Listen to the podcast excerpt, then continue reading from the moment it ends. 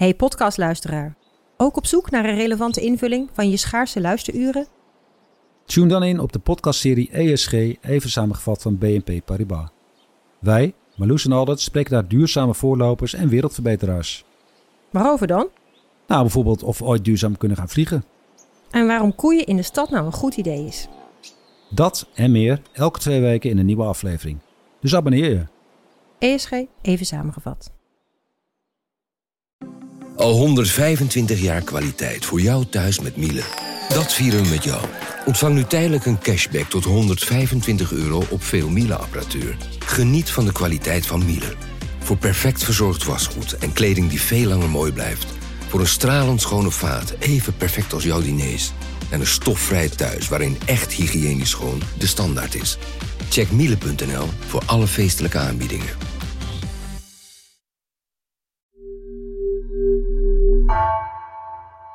En op die, die eerste dag, dus die woensdag, rond een uur of twaalf, ja, begon er een soort eh, dikke wolk mijn hoofd binnen te dringen. Oh, ja. Oh jee. Koppijn, barstende koppijn aan de voorkant van mijn hoofd. En dat ging drie dagen lang niet meer weg. Welkom. Wij zijn Onbehaarde Apen. Dit is een podcast van NRC over wetenschap.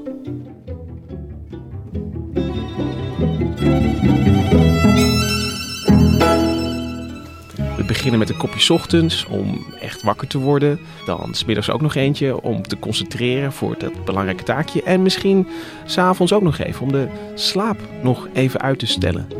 Koffie, het zwarte goud. Het maakt ons scherp, alert, gevat. En het is ook, eerlijk is eerlijk, heel erg lekker. Maar, zoals bij alle middelen die we gebruiken om boven onszelf uit te stijgen, zit er ook een keerzijde aan koffie. Dat ongeruste gevoel als je een paar koppen koffie te veel op hebt. Een beetje hoofdpijn en hartkloppingen misschien.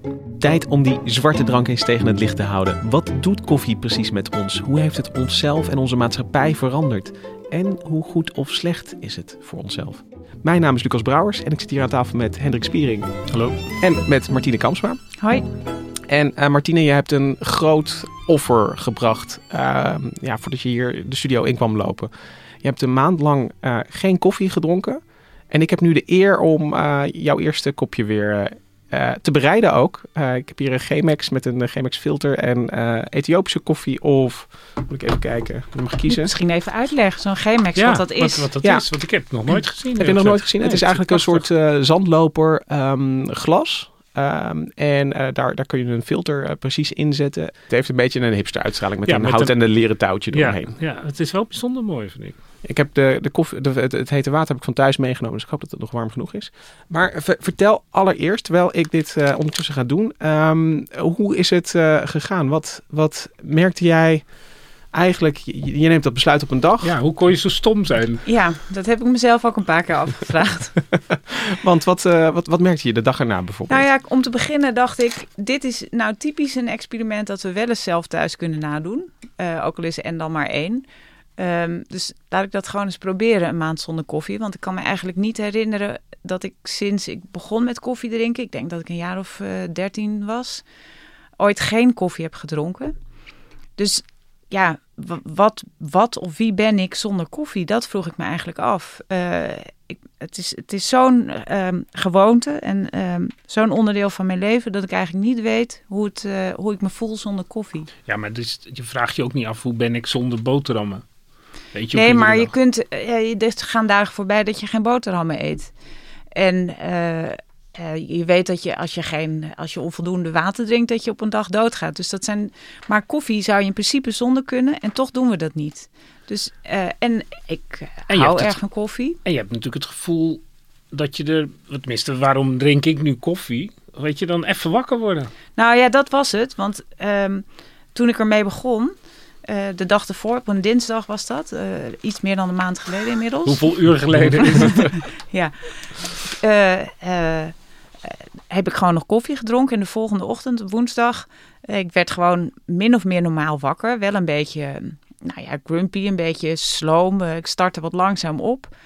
Eh, ik had ook echt zin in koffie, maar dat gingen we niet doen. Dus ik, eh, ja, Mocht je, mocht je wel thee eigenlijk? Nee, want in, in Ja, thee ja, zit ook eh, cafeïne of theïne, Ja. dus eigenlijk hetzelfde.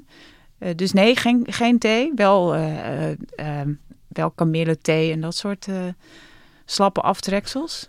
Maar geen koffie, geen thee.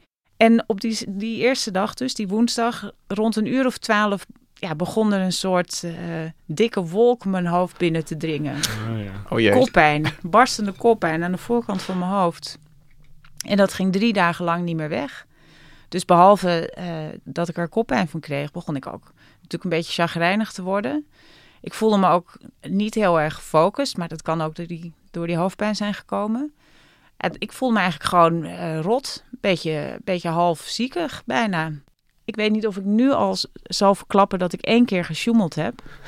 heb ik het al gedaan? Was de, was de verleiding te groot? Was de, of was de, de, de last te heftig? Nou, het was zo, het was weekend. Ik had een feestje en ik vond het eigenlijk heel flauw dat ik niet bij dat feestje zou zijn, omdat ik nog steeds zo'n ongelofelijke koppijn had. Ik had echt geen zin om naar dat feestje te gaan. En toen dacht ik, er is maar één manier om erachter te komen of ik nou ziek ben of echt aan het afkicken nog steeds ben.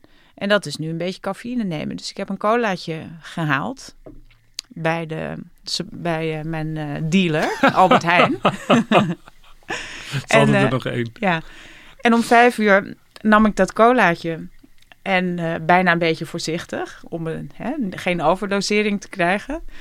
En om kwart over vijf dacht ik, nou, dit is heel gek. Dit, dit haal ik me in mijn hoofd. En om twintig over vijf dacht ik, nu ga ik eens even goed met mijn hoofd schudden. Dus, maar het was gewoon, het was alsof de gordijnen open gingen en de mist optrok.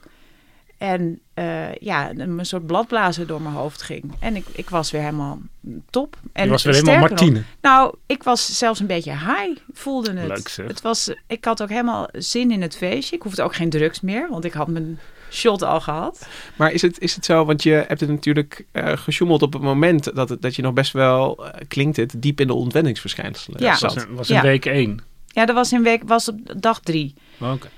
En eh, daarna heb ik eh, geen koffie meer gedronken.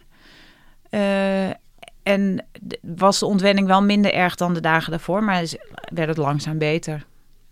En- Hoewel ik nog steeds het gevoel hield, nog een paar weken, inmiddels niet meer, maar nog een paar weken lang het gevoel hield dat ik nog steeds niet helemaal zo fit was als, eh, als met koffie. Het ruikt nu al lekker Ja, trouwens. de, de, de studio, eh, de, de, de games loopt eh, langzaam door. Eh, dus Martine, ik hoop dat het... eh, Een beetje te drinken is. ik hoop zou dat ik wel de heel jammer podcast nog af kan maken en dat ik niet stuiterend hier naar buiten... We houden de deur op slot. Oh, heerlijk. Ja? Ja. Het is ook echt goede koffie, hè? ja, Ja, het, is heel, het is heel rijk van smaak. ik ben benieuwd wat ehm, ik van de, zeg maar de, de farmacokinetiek, zoals dat dan heet, van eh, cafeïne weet. Na 20 minuten, Martine, gaat, als het goed is, eh, pas...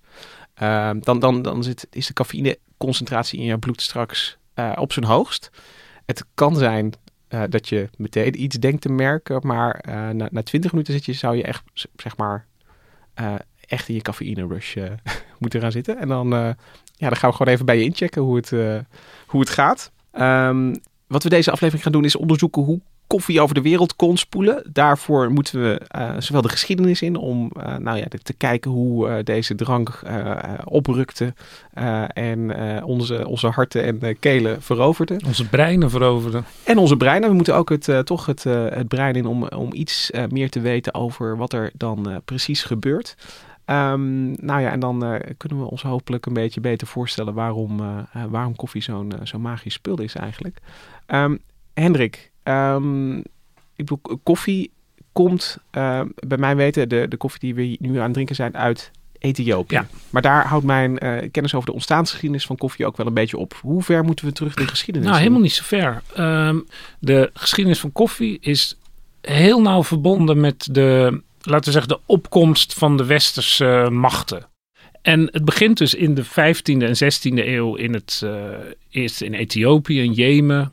Het is ook bij een hele keurige eh, islamitische secte of beweging is het ook opgekomen. Want volgens de 17e eeuwse kletsverhaaltjes, die oh, gelijk al in het Westen dan over koffie werden verteld, zou het ontdekt zijn door een, ja, dat is echt zo'n just so story, door een header die dan zijn geiten van die koffieplanten ziet eten. En dan denkt hij, dan worden die geiten heel eh, actief. En dan denk je, oh, dat wil ik ook wel. En dan gaat hij er zelf wat eh, van brouwen. Maar volgens het verhaal geeft hij dat dan aan de plaatselijke moslimgeleerden.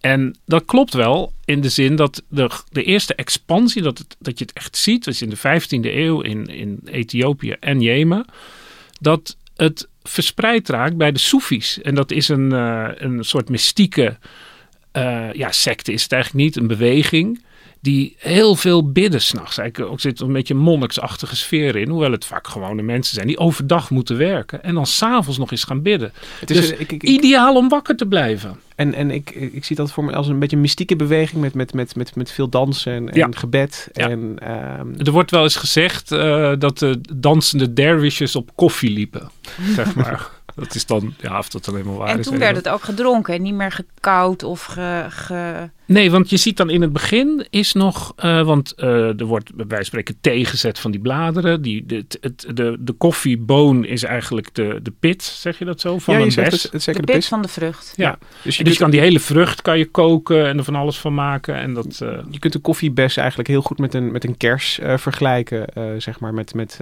het is een steenvrucht, dus, Ja. dus, dus die pit, die, die zit erin. En, en dat is nou ja, wat we branden en, en waar we koffie van maken, zeg maar.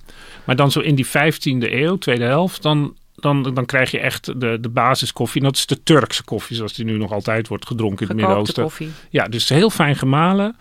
Kokend water erop. En vaak ook eh, allerlei kruiden er nog aan toegevoegd. Cardamom en eh, allerlei andere dingen. Maar, maar het begint dus wel bij, bij... Die plant wordt dus gebruikt in Ethiopië.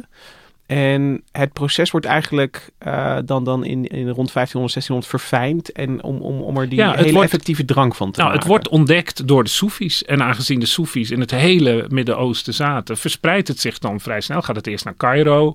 En dan ontstaan daar ook koffiehuizen. En eh, dan, dan, dan krijgt het ook, dat was ook het succes. Het wordt voor moslimmannen. Die, die niet zeg maar eh, naar allerlei duistere cafés willen, een hele goede manier om, om elkaar te ontmoeten. Het, het leidt niet tot ordeverstoringen, zeg maar. En dan komt het in Damascus en dan komt het in, eh, in eh, Constantinopel, de hoofdstad van het Ottomaanse Rijk. En dan, ja, dan, die, die hele 16e eeuw verspreidt het zich dan. eh, Ja, je noemt het een nette drank, maar dat is, zo werd het toen niet door de, alle leiders naar gekeken. Hè? Want Nee. ze dachten ook, ja, die, die lui die komen daar samen in die koffiehuizen en die gaan daar een beetje de intellectueel zitten doen. En Ja. voor je het weet bedenken ze een opstand of een revolutie. Ja, en dat is zo interessant aan die koffie, dat het dus ook verbonden is aan het, aan het vrije woord. Wat, wat natuurlijk ook weer een onderdeel is van de westerse cultuur later. En Maar het is dus begonnen door de gewoonte, dat was ook een deel van het succes, in, in het Ottomaanse Rijk waren die koffiehuizen, werden aan lange tafels werd iedereen gezet. En normaal, als je bij een salon bij iemand kwam, dan werd je op ja, een hiërarchische samenleving. Werd je op rang gesorteerd. En als je dan, eh, eh, als je dan eh, een hogere edele was, dan ging je niet met het gewone mannetje aan tafel zitten. Maar dat, in die koffiehuizen was dat niet zo. Waardoor je dus ineens nieuwe contacten krijgt. Het is een manier om met vreemden te spreken. En later in, in, in Londen en Parijs wordt het dan ook heel belangrijk. Maar het is begonnen in Istanbul. En je ziet dan ook dat, ja, op een gegeven moment denken die, die sultans, die denken ook, wat krijgen we nou? Want ja, als, als, het, als zeg maar dat soort discussies niet verlopen in drank, maar helder tot diep in de nacht met koffie worden voortgezet, dan, dan worden er misschien nog wel hele gevaarlijke plannen Ja, gemaakt. op alcohol is nog nooit een revolutie eh, bedacht natuurlijk. of koffie wel. Ja, Maar wat je dan ziet is dan springt het over naar, eerst naar Italië, eh, naar Londen, waar het dan heel groot wordt in midden 17e eeuw. En dan begint het ook in Parijs. Dus het is iedere keer net even anders. Amsterdam. Ja, en eh, dat in 1650 de eerste koffiehuizen in Engeland komen. Dat past ook helemaal in de, in de. Toen was er een soort protestantse republiek. Echt totale gekkigheid eigenlijk eh, in, in Engeland. De koning was onthoofd. En er was dus een soort geheel onthouden sfeer. En er was de openheid van debat. En gelijkheid van, van mensen. Dus die.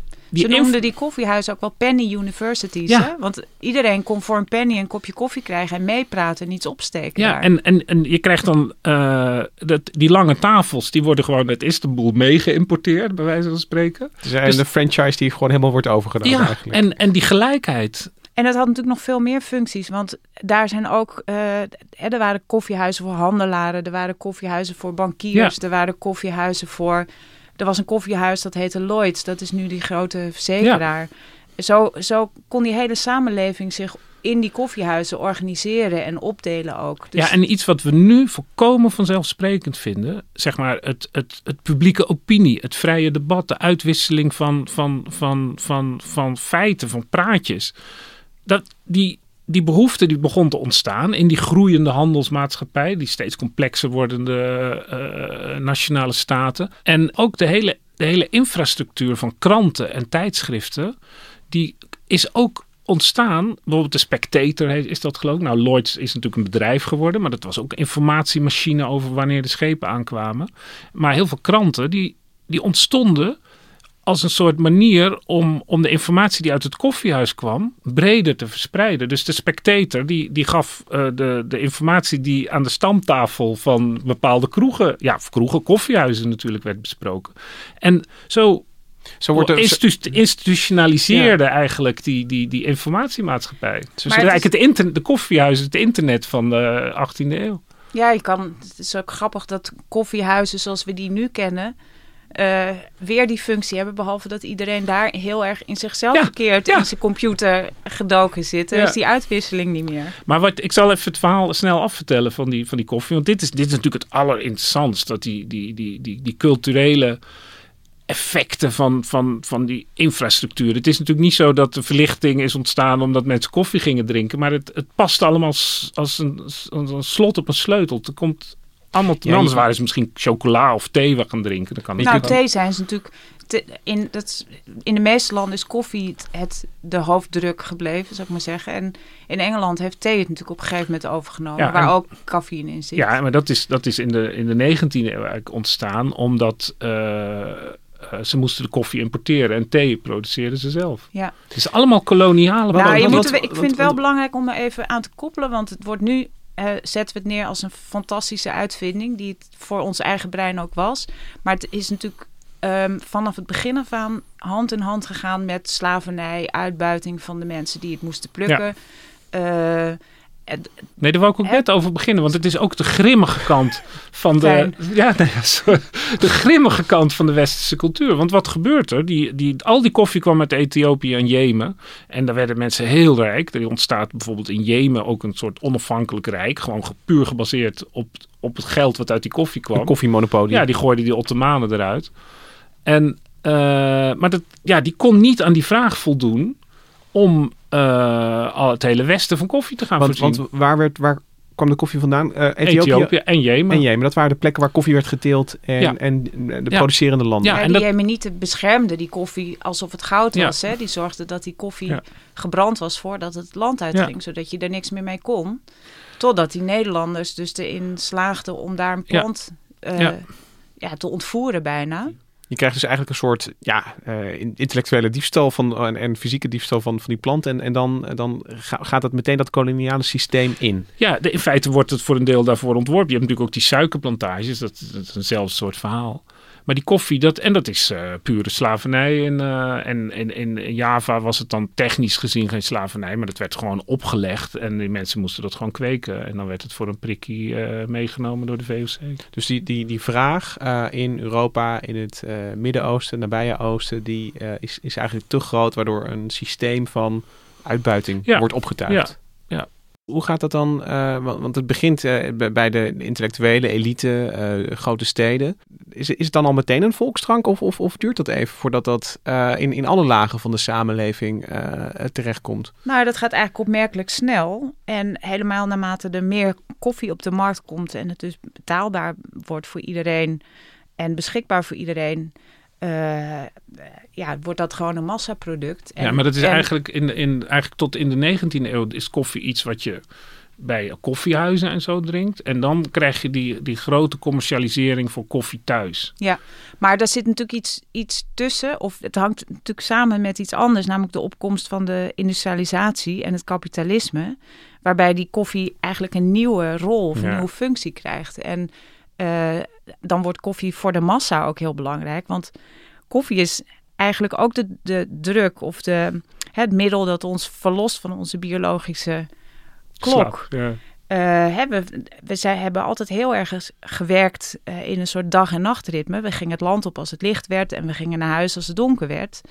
En nu kon je ineens werk doen en volhouden, ehm, ja, dat, uh, dat zich aan dat bioritme uh, onttrekt. Dus uh, toen we met cijfers en met, met ingewikkelde machines moesten gaan werken, was die koffie natuurlijk ideaal. Want je kon ineens s'avonds doorwerken en s'nachts.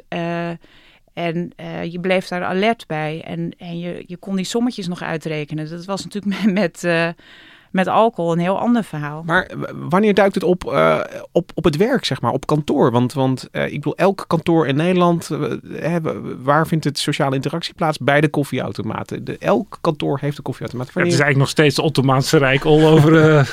Nou ja, wanneer duikt het op, op kantoor? Als kantoren komen. Dus met de kantoren kwamen er koffiedames die de koffie rondreden. En later de koffieautomaten. het is gewoon onderdeel geworden van het werk. Het is ook volstrekt normaal dat dat gratis verstrekt wordt. Geen, geen werkgever zal het in zijn hoofd halen daar geld voor te vragen. Ja, die... En het, wat een grappig voorbeeld dat dat laat zien... is uh, een rechtszaak die in de jaren 50 van de vorige eeuw in Amerika speelde. Daar was een... Uh, een fabriek en die um, werkte voorheen alleen met mannen, maar door de oorlog uh, ja, was het arbeidspotentieel uh, afgenomen en namen ze ook vrouwen aan. En uh, nou was gebleken dat als die vrouwen koffie kregen, ze ja, eigenlijk net zo productief waren als die mannen daarvoor. Maar er was een, een, een fabriekseigenaar en die wilde de koffiepauzes die die vrouwen kregen niet betalen. Dat was vrije tijd en dan moest, moesten die werknemers maar gewoon zelf voor betalen. Dat werd een, een rechtszaak. En toen heeft die rechter geoordeeld van ja, maar volgens mij hebt u net zelf verteld dat die koffie uh, helpt om de werknemers productief te maken. Dus dat lijkt ons dan niet meer dan logisch dat de werkgever daar ook gewoon voor betaalt. En daarmee was de, de koffiebreak, zoals die in Amerika heet, maar die hebben we hier natuurlijk ook, de koffiepauze, eigenlijk uh, ja, een, een recht geworden van de, van de werkenden ik denk dat het ook uh, door heel veel mensen zo beleefd en ervaren wordt. Ja. Ik, ik, bedoel van... van nou, je uh, kent het liedje van VOF de Kunst, hè? Ik ken de, het niet. En de school, de fabrieken, de universiteiten, klinieken. Al die tenten drijven God lof nog steeds op één kopje koffie. Ja, dat vind ik dan weer wel. En wat ik ook een goede vind is 9 to 5 van ja. uh, Dolly Parton. Ja. Wat ook een, een liedje van de werkende is waarin ze zingt dat ze opstaat en a cup of ambition voor zichzelf oh. inschenkt. Bed and I stumble to the kitchen, pour myself a cup of ambition and yawn and stretch and try to come to life. Jump in the shower and the blood starts um, pumping. Dat, dat is hoe de koffie tot ons is gekomen. Maar ik, ik ben benieuwd, uh, Martine, hoe is de koffie tot jou gekomen? Wat, wat, uh, wat merk jij nu uh, zo'n zo'n half uur na inname? Hoe is nou, het met je? Ik ben, ben gek genoeg een klein beetje trillerig. Ja. Maar dat kan ook door het enthousiasme en de opwinding komen. Het is natuurlijk moeilijk om te zeggen of deze test nou wel... Ja, dit is natuurlijk niet echt de beste test. Hè? Als je hier in een opname zit en de adrenaline van de ja, opname hebt... en ook nog de cafeïne. Dus wat nou sterker werkt. Maar gaat het licht aan, of niet? Uh, nou, Intern. kijk, ik denk het verschil met die, dat colaatje van uh, de eerste week... is dat ik toen uh, die cafeïne echt als het, het middel tegen die ontwenning ja. kon gebruiken. Dus toen was het effect heel sterk. En nu vind ik het vooral heel lekker. Maar om nou te zeggen, ik ben meteen... Ja, dat kunnen jullie misschien beter beoordelen dan ik zelf. Of ik ontzettend alert en gevat. En, Altijd, maar dat ben je altijd natuurlijk. altijd. Nee, ik, ik, ik zou niet zeggen dat, dat ik je heb zien transformeren hier. Uh, dat, dat zou, zou echt... Uh, nou, misschien heb je te slappe zijn. koffie gezet. Nou, ik vond hem behoorlijk... Uh, uh, ik, heb, ik heb niet zuinig gedaan met, uh, met de koffie in de filter. Ik, ik denk dat het een. Uh, ik, ik had het misschien wel een beetje verwacht. Dat je, uh, als je op, je diepste zit in, in je ontwenning, dan, dan is, de, is de, de kick natuurlijk des te groter. En, en nu word je een beetje omhoog getild. Maar ik ben wel benieuwd of jij een beetje een antwoord krijgt op je vraag van, van wie ben ik zonder koffie en wie ben ik met koffie. Nou, Lucas, eerlijk gezegd niet. Want wat doet het nou eigenlijk precies in mijn brein? Dat is een hele goede vraag. Uh, het effect op ons lichaam is uh, activerend. Maar uh, wat je dan eigenlijk moet doen is kijken van hoe werkt dat moleculair gezien. En dan kijken of je dat nou een beetje met elkaar kan rijmen. En um, een van de eerste dingen waar je dan naar moet gaan kijken, bij, zeker bij een stof die, die werkt op je zenuwstelsel en op je, je, je psychologie, zeg maar, is eh, kun je een, een receptor vinden, is dan de vraag. En, en een, een receptor kun je een beetje voorstellen als het slot ehm, eh, aan, aan de buitenkant van de cel. hè. Ja, van een zenuwcel natuurlijk. Ja, van een zenuwcel. Dus, dus, eh, en, en daar passen bepaalde sleutels passen daarop en andere niet. En cafeïne, dat gaat zitten op de adenosine receptor. En Wie kent hem niet? nou ja, adenosine, eh, jullie kennen het stiekem wel, denk ik. Ehm, want eh, adenosine zit ook in, in DNA en in RNA. Eh, het is niet, het is niet de, de A uit DNA, maar het is wel, als je bedenkt dat DNA uit de letters A, C, G en T bestaat, is adenosine de A. Dus het is een van de, nou ja, de vier bouwsteentjes eigenlijk van, eh, eh, van, onze, eh, van onze genetische code. Het zit dus in, in alle cellen. Maar als dat ineens gaat toenemen in je lichaam, is dat Wanneer neemt het toe? uh, bijvoorbeeld bij, stress of als je uh, gewoon als cellen, Vermoeidheid? als cellen schade oplopen.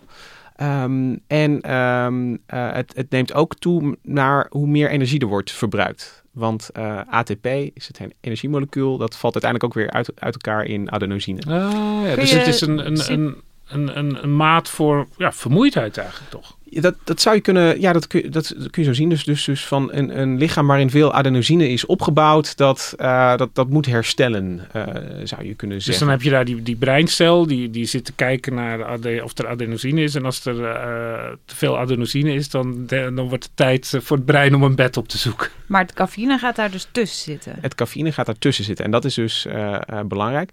En dan moet je nog altijd, als het gaat over receptor, moet je nou een, een aanvullende vraag stellen van, zet het stofje dat op die receptor gaat zetten, de receptor aan? Of zit die in de weg? En uh, uh, cafeïne zit in de weg. Het is niet zo dat dus uh, cafeïne hetzelfde doet als adenosine. Oh ja, want zou je er moe van worden natuurlijk. Dan zou je er moe van worden. Dan zou het, het, hetzelfde effect hebben als zou, adenosine. Zou het nooit zo populair worden, denk ik. Nee, maar cafeïne zit in de weg.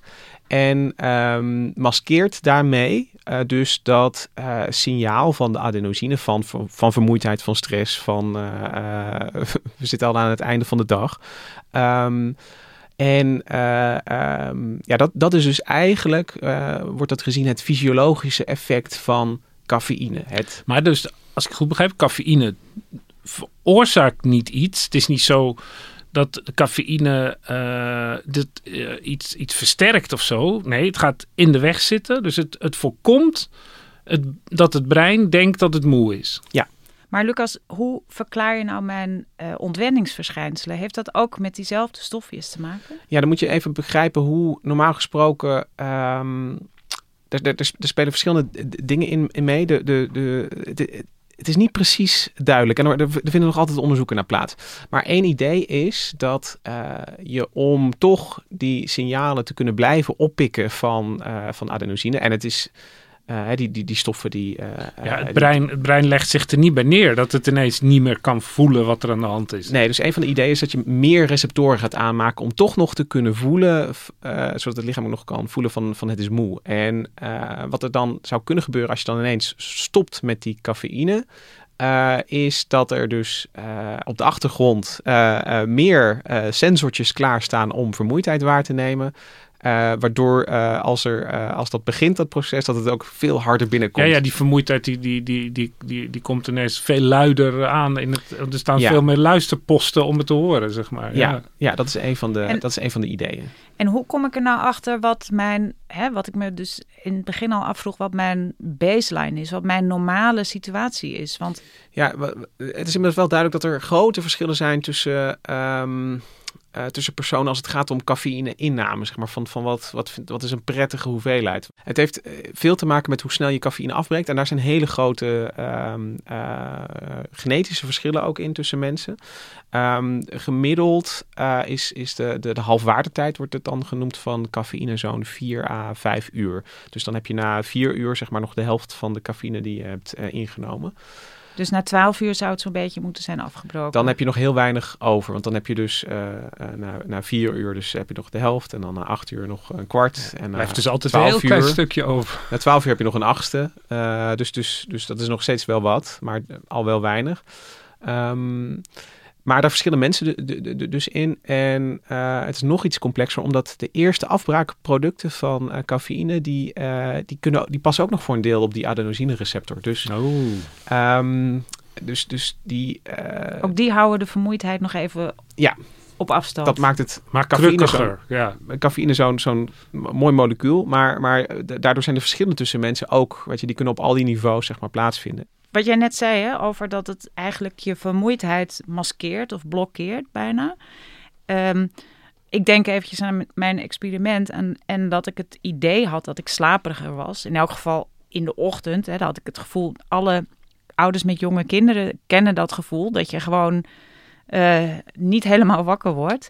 Maar nu denk ik, eh, en, en ook gedurende de dag. Maar nu denk ik, ik ving het was misschien niet dat ik ook echt moe was, maar dat ik het signaal in elk geval beter opving. Ja, ja dat, dat, dat is dus het, het, het idee. En daarin heeft cafeïne natuurlijk wel een, ehm, een, een bijzonder effect. In, in dat het, het, het is dus, je zou het zelfbedrog bedrog kunnen noemen, maar, maar dit, dat, dat concentratie eh, boostende effect is dus wel reëel. Ik bedoel, mensen presteren in, in heel veel testen ook echt beter eh, met cafeïne op. Dat, dat, Het is een soort geleende energie. Ja, je, je teert een beetje in. Wat, wat, wat wel gezegd wordt, is dat. ehm, maar ook dat is. En, en dat. Ik bedoel, we onderzoeken dus cafeïne al 100 jaar. En, en dat vind ik zo fascinerend. Het is, het is, de inzichten zijn zo. ehm, delicaat eigenlijk. Dat het, dat het ook heel snel kan, kan, eh, Ja, kan omdat het ook met psychisch functioneren heeft te maken. Je Ja. kan het, het is heel moeilijk te meten. Dan moet je ze sommen laten maken. Of, Nou, of- dat wordt heel veel gedaan. Ja. Wordt Wat heel ik veel een gedaan. interessant eh, onderzoekje vond, was. ehm, eh, of uitkomst vond, was. eh, ik las ergens dat eh, weliswaar je focus en je, eh, hè, je focus en je concentratie op één taak wordt beter. Mhm. Maar zodra het om complexe handelingen en taken gaat, eh, zoiets als autorijden of eh, operaties uitvoeren. Dan eh, moet je niet te veel op cafeïne rekenen, want daar word je niet zozeer eh, beter in je werk eh, van. Dus het is Nee, je wordt niet beter in je werk, maar ehm, je kunt wel wakker, wakkerder blijven. Ja. En als je dus bedenkt dat eh, heel veel verkeersongelukken door slaaptekorten komen. er is een hele stroom cafeïne- en verkeersonderzoek, kwam ik achter. Dus dan, dan worden mensen om tot, tot half drie wakker gehouden en dan krijgen ze een kop koffie of niet. Of ze mochten nog even een kort dutje doen van tevoren. En dan werkt de kop koffie ehm, beter dan, dan het dutje. Ja, Ehm, hè, en dan wordt dan gemeten het, hoe vaak ga je zeg maar, de lijn, eh, de ja lijn maar dan moeten ze naar een autosimulator Ja. rijden natuurlijk. Ja. En ehm, wat, wat, wat het allerbeste werkt is, is, is allebei. Eh, hè, dus, dus dat, Het eh, maakt je sneller, maar niet slimmer. Ja, dus, dus als het gaat om van, van hoe goed je de... de, de eh, dus het wakkerhoud-effect is, is wel echt. En, en da- daarmee kun je dus wel, eh, ook in de auto, eh, zeg maar toch, zeg maar genoeg waakzaamheid opwekken om, om dat dan goed te doen. Het, maar je wordt er niet beter van. Eh, dus, dus als je het over die chirurg hebt, het is, het is niet zo dat, dat eh, de, de, de, incisie nauwkeuriger wordt of iets dergelijks. Je, je blijft wakkerder, dat is het.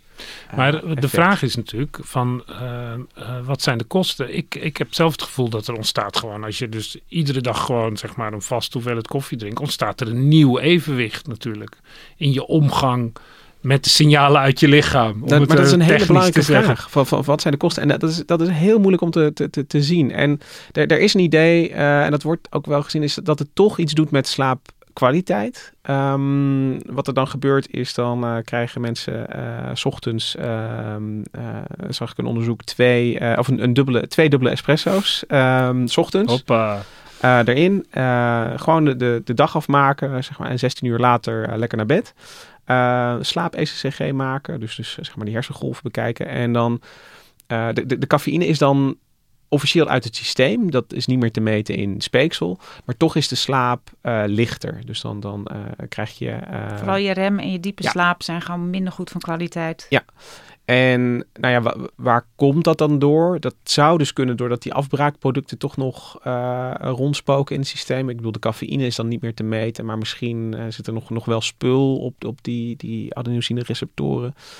Maar het, het, het, dat causale verband is heel lastig te leggen, omdat ja, bijna iedereen koffie drinkt. Dus, dus, Ja. dus is in die zin zijn die, die, die kosten misschien ook een beetje verborgen. Dat we niet precies weten eh, wat, we, ehm, wat we aan slaap inleveren. Nee, en je kan het, het kan het alleen maar meten in dit soort hele onnatuurlijke situaties. In zo'n slaaplab met zo'n heel ding Ja. op je hoofd en zo. En, en in werkelijkheid beginnen de mensen de dag erna natuurlijk gewoon weer met koffie. Dus, dus weet je wel van... Om de van- effecten van, dat, ja, eh, van die negatieve consequenties Ja, maar dan ontstaat er dus een nieuw evenwicht volgens mij. Maar wat ik wel grappig vind, Lucas, is dat eigenlijk de laatste kruisvaders tegen cafeïne, eh, dat zijn de slaapexperts. Hè? En verder, waar je vroeger heel veel negatieve dingen over koffie hoorde, want Ja. het zou hartproblemen veroorzaken. Rood haar kreeg je ervan. Kanker, alles. Rood haar, niet, eh, niet uit te vlakken. Maar er zijn inmiddels heel veel ja. grote studies gedaan. En, En, daar, en, en daar komen vooral positieve effecten uit op, op twee punten eigenlijk. Dat het, dat het eh, een, een beetje lijkt te beschermen tegen Alzheimer en tegen Parkinson. Dat zijn eigenlijk de, de, de meest... Ja, dat zijn de meest... tegen diabetes 2, tegen hart- en vaatziekten. Ja, die, dat, dat, Zou die, kunnen. die effecten komen er ook uit. Maar, maar Alzheimer en Parkinson hebben de, de, de meeste, eh, het sterkste, de sterkste correlatie moet ik dan zeggen. Want dat is dus terugkijkend en correlatie. Maar bij Alzheimer en Parkinson gaat het ook verder omdat er een, een, een vermoeden is dat, eh, dat die adenosine-receptoren daar ook een rol bij spelen als mensen ziek worden. Dus er worden ook ehm, ja, op cafeïne lijkende stoffen geprobeerd als medicijn. Bijvoorbeeld een, een stof die dan, dan ja, misschien nog beter aan adenosine kan, kan binden. Om te kijken of dat verlichting eh, of, of uitstel van, van symptomen kan geven. Dus dat, dat gaat nog een stapje verder dan het, de, de, de correlaties die bij, bij hartziekte en diabetes en kanker. eh, ehm, worden Dat zijn gevonden. kleinere effecten in toch al moeilijk, moeilijk te, te maken onderzoeken. Ja. Bedoel je. Ja. En Waarmee je meteen met- natuurlijk de disclaimer moet maken dat eh, als je eh, veel koffie drinkt, dat je daarmee niet dementie en Parkinson buiten de deur houdt. Nee, Dan Eh, zou het, zou, omdat iedereen koffie drinkt, zouden die ziektes niet meer moeten voorkomen. Nee, je houdt het zeker niet, niet, niet buiten de deur. Dus het is, geen, eh, het is, het is niet zaligmakend. Eh, absoluut niet. Maar, maar er, er, er lijkt, eh, en dan zeg ik dus eh, met lijkt, moet dan eh, vet gedrukt en schuin eh, gezet. Eh daar lijkt een, een, een beschermend effect. Wel, het is wel van- van grappig dat in de, eh, de koffie ook in de schijf van 5 staat, hè? Cafeïne is, eh, is gewoon een gezond product. En de gezondheidsraad, dus het voedingscentrum, eh, raadt eh, twee à drie koppen per dag aan. Ja, want anders gaan ze maar bier drinken natuurlijk. Maar ik vind het dus echt bijzonder dat een, een stof die we dus zoveel gebruiken, die, die gewoon op ons zenuwstelsel werkt. Ik bedoel, dat, dat, is geen ontkomen aan. Eigenlijk dus, dus zo, ehm, eh, ja, dat dat niet, geen nadelige consequenties Ja. heeft. Nou ja, de grap nog- is ook, als je eh, sporters en eh, nou ja, schakers natuurlijk vooral, hè, denksporters, maar ook eh, duursporters, die eh zweren bij koffie. Die gaan echt geen wedstrijd in zonder koffie te hebben gedronken. Zou je eigenlijk koffie niet op de dopinglijst Ja, dat is, zetten? dat, dat, dat is een goede vraag. Het, ehm, eh, ik denk dat dat, eh, ik bedoel, eh, in, in, sociologisch gaat dat niet meer gebeuren. Weet je, daar, daar is koffie te veel omvattend voor. Ehm, maar het is ook niet, heel veel doping wordt ook verboden, omdat het uiteindelijk ongezond is. Oh, oh, bij- voor bescherming Ja, van de sporters, ja. zeg maar. Dat je Ja. dus niet wil dat, je, dat, dat ze risico's nemen met anabolen en dat soort stoffen. om-. Omdat dat ze Dat- op de lange termijn hun eigen gezondheid eh, schaden. Ja, dat klopt. En met cafeïne kun je dat niet, eh, kun je dat niet stellen. Nee, en het is, eh, sommige doping wordt verboden omdat het ongelijkheid geeft. Dat bepaalde medische technieken niet voor iedereen weggelegd zijn. Maar koffie kan je voor een, eh, nou, voor een euro krijgen een kop koffie. En, Maar als, eh, het, nu- als de cafeïne nu pas op de markt zou zijn gekomen, dan ben ik benieuwd of sporters het zouden mogen gebruiken. Ik weet het niet. Eh, om, om, om, gewoon om, omdat nieuwe middelen met, eh, met dit soort effecten gewoon toch, toch een beetje verdacht zijn. En, en interessant daarin vind ik nog wel kinderen en, en koffie. En dan, dan met name kinderen met ADHD. De eh, be- bekende eh, wetenschaps, eh, kritische wetenschapsvolgers, Ioannidis, die heeft ook gewoon... Er zijn experimenten geweest met, met eh, cafeïne om te kijken of dat ook eh, symptomen van ADHD kan, kan verlichten. verlichten. Ja, ja, en die, Ah. die, die pleit voor... Je zou een- verwachten dat ze dan nog meer gaan stuiteren, maar dat Nee. is dus niet. Nee, juist omdat het die, die, die, ehm, ja, een beetje die versmallende concentratie Ja, ja. Focus. geeft. Ja. Focus. Ehm, en Ioannidis die pleit eigenlijk voor een, een herwaardering van, of, of tenminste om dat opnieuw te gaan eh, bekijken. Er zijn allerlei, ja, eh, hij heeft er dus, dus de, aanwijzingen gekeken en de bijwerkingen. En dat vergeleken met de bijwerkingen die eh eh, methylfenidaat geeft, wat, wat nu veel ingezet wordt om eh, kinderen met ADHD te, te helpen. En die, en die zegt toch van, we moeten opnieuw naar dat bewijs kijken. Maar ik vraag me dus af of dat ehm, of dat sociaal, eh, eh, zeg maar, daar, daar, daar- die weerstand daartegen is groot. Ehm, Nou ja, kinderen krijgen ook cola. Niet, al, met, niet alle kinderen. Nee. Maar Nee, maar dat, dat, is, dat is grappig. Maar, maar op het moment dat je het gaat hebben over cafeïne om eh, mensen met ADHD te, te, te, te, nou ja, te, te, te helpen met, met sommige symptomen, dan, dan is daar toch weerstand tegen. het En, klinkt best logisch. Wat ik grappig vond is de Michael Pollan. Dat is die eh eh, eetschrijver die ook over eh, ehm, drugs, LSD ja, heeft geschreven. Dus over geestverruimende of stimulerende middelen. En die beschrijft het ook heel goed. Eh, dat eh, bijvoorbeeld LSD werkt als een soort soft, softe lamp. Die dus je beeld, eh hè, dus een hele brede blik krijg je daarvan. Dan ga je heel associatief Ja, je, je, je- van denken. de grens Terwijl- tussen jezelf en de werkelijkheid wordt vervaagd Ja. eigenlijk. Dus dat geeft die, die brede, ongefocuste blik eigenlijk. En cafeïne heeft precies het tegenovergestelde effect. Dat is een spotlicht effect. Dat je heel gefocust op één... ja, je op één... Hij beschrijft ook heel grappig hoe die aan het... Hij doet hetzelfde experiment, maar dan drie maanden. Respect.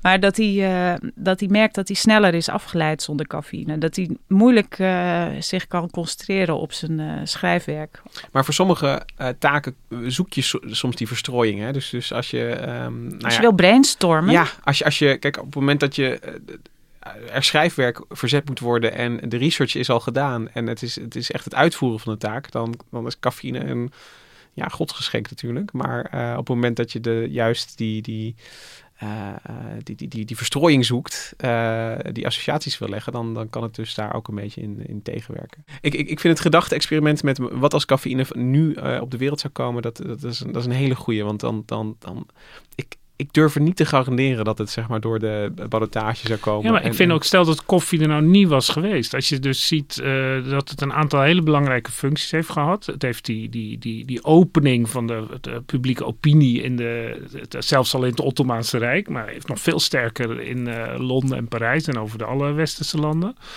En vervolgens die, ja, die eh, disciplinering van de aandacht op kantoor en het werk. En ja, nu zijn we allemaal verslaafd. Je hebt perfect gefunctioneerd een maand zonder koffie. Je had even hoofdpijn, maar... Nou, je hebt niet gemerkt op welk moment ik niet functioneerde. Maar nog steeds, hè, die, die cafeïne is ook weer niet helemaal onomstreden. Want het zit natuurlijk ook in die energy drankjes. Ik zag nu zelfs kauwgom in de winkel liggen waar cafeïne in zit. Eh, ja, ik heb daar, daar dan toch zelf een beetje aarzelingen bij. Bij die cafeïne drankjes eh, of die energy eh, wordt ook gezegd. Ja, dat helpt vooral jonge mensen om nachtenlang door te trekken om te gamen en zo. Dus het, helemaal onomstreden is cafeïne nou ook alweer niet. Nee, en, en daarin zie je toch een, een eh, dat de toedieningsmanier, zeg maar, maakt natuurlijk uit. Dus, dus als je Ja, het een hele- sociale ja. effecten van. Hè? en als je in een hele korte tijd heel veel cafeïne tot je kan nemen in een, in een, in een blikje of, of op andere manieren, dan, ehm, dan is dat is een ander gebruiksscenario dan zeg maar de kantoorslaaf die eh, om eh, 9 uur begint en om 12 uur ophoudt met koffie Maar ik denk niet dat we dan een andere samenleving zouden hebben gehad als er nooit koffie was geweest. Want dan, dan was die, die infrastructuur van die publieke opinie, die had een andere weg gevonden. Het is natuurlijk niet omdat die koffie er was dat mensen ineens dachten, oh, dan kunnen we met, eindelijk met elkaar gaan praten. Nee, het is hooguit een hulpmiddel geweest. Maar Ja. het heeft dingen misschien niet ehm, geïnitieerd. Het heeft het ondersteund. Ja, en het heeft het waarschijnlijk versneld. Want het, het- als je ziet hoe snel die koffiehuizen verspreiden en wat voor effect die hebben gehad met die lange tafels waarin iedereen met elkaar kon praten. Ja, hoe had dat op een ander? Was dat met chocoladedrank ook gebeurd? Dat is nog maar de vraag. Nou Choc- ja, ik- maar dan ik was er iets wel- anders gebeurd. Ik kan me wel voorstellen dat eh, echt nachtdiensten en nachtwerk, dat dat wel een problematisch ding zou zijn geweest zonder cafeïne. Ja. Want er is, ik denk, geen, geen nachtploegwerker die trekt zonder, eh, zonder koffie. Ook geen long haul distance trucking drivers Ja, zonder precies. koffie, denk ik. Ik zat gisteren nog bij een, een, een, ehm, een trucker in de auto die een koffiezetapparaat op zijn eh, dashboard had staan. Maar ook zeg maar, misschien eh, het niveau van schaken was ook lang zo goed niet geworden. Maar dan was dat een normaalijn geweest. Ook niet zo erg. Hadden we niet geweten we hoe niet goed er geschaakt zou worden. Het is... eh, ehm, Computers, drinken die ook eh, cafeïne als ze gaan schaken? ja. Dat is de manier om ze uit te zetten waarschijnlijk. Het is fijn dat de cafeïnebus eh, eh, bestaat, vind, vind ik toch. Ook eh, nu, nu ik er meer van weet. Eh, Martine, hoe gaat het met jou en ga jij door met eh, koffie? Ja, nou ja, weet je, ehm, dat shotje geleende energie in de ochtend, eh, dat vind ik gewoon te lekker en te oppeppend om eh, te laten staan. Maar nu ik eh, wat meer gelezen heb over het effect op de slaap, heb ik me wel voorgenomen om na 12 uur 's ochtends eh, geen koffie meer eh, te drinken. En eh, nou ja, verder, weet je, het is vooral ook. Ik heb koffie gemaakt de hele maand voor mijn geliefde thuis. En Wat Dus- een zelfopoffering. dat, nou, dat was ook lekker, want ik kon er even aan ruiken. En, maar dat, het ritueel van koffie zetten, koffie drinken, koffie en een krantje, koffie en je computer opstarten, dat is ook een onderdeel van, Ja. Van het leven. van het leven. Dus ik, hou, de- ik ga de koffie niet de deur uit doen. Sterker nog, ik heb een nieuw apparaat gekocht. en verse koffie en ik ga weer heerlijk koffie drinken. Maar een, eh, wat voor het- apparaat? Een opgietapparaat. Een Mokka Master. Dat is eigenlijk de oude eh Douwe Egberts Ja. eh, koffiezetmachine. die je met en, punten kon krijgen. ja, maar die is helemaal door de cultus rond koffie en de hipstercultuur eromheen... is die helemaal in ere hersteld. Want de echte eh, barista's die eh filterkoffie maken... die gebruiken behalve die eh Chemex van, eh, van Lucas ook heel vaak die Mokka Master. Dus ik ben helemaal hipster en toch heel nostalgisch bezig. Het is je eh, gegund en je hebt het verdiend. Eh dank je wel, eh, Martine, voor, ehm, eh, voor je eh, experiment. Eh, Jij bedankt voor de lekkere koffie. ja, graag gedaan. Eh, Mag ik nog één fun fact noemen? Echt het allerleukste. Wie heeft de koffiefilter uitgevonden? Melita. Ja, Melita Benz, een Duitse vrouw, ik- ergens begin vorige eeuw. En die hele firma Melita is daarop gebaseerd. Dankjewel Hendrik voor deze fun fact en al je andere eh, historische feiten eh, rondom koffie. Eh, Rosa van Toledo, bedankt voor de productie van deze aflevering. En Julia Vier, bedankt. De muziek die nu speelt, die is gespeeld door Dudo Quartet. Wij zijn er volgende week weer met een nieuwe aflevering. Tot dan!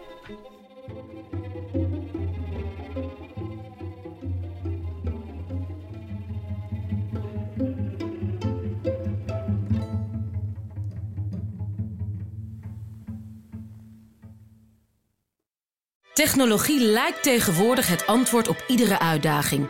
Bij PwC zien we dit anders. Als we de potentie van technologie willen benutten, kunnen we niet zonder een menselijk perspectief. Human-led, tech-powered noemen we dat. Ga naar pwc.nl.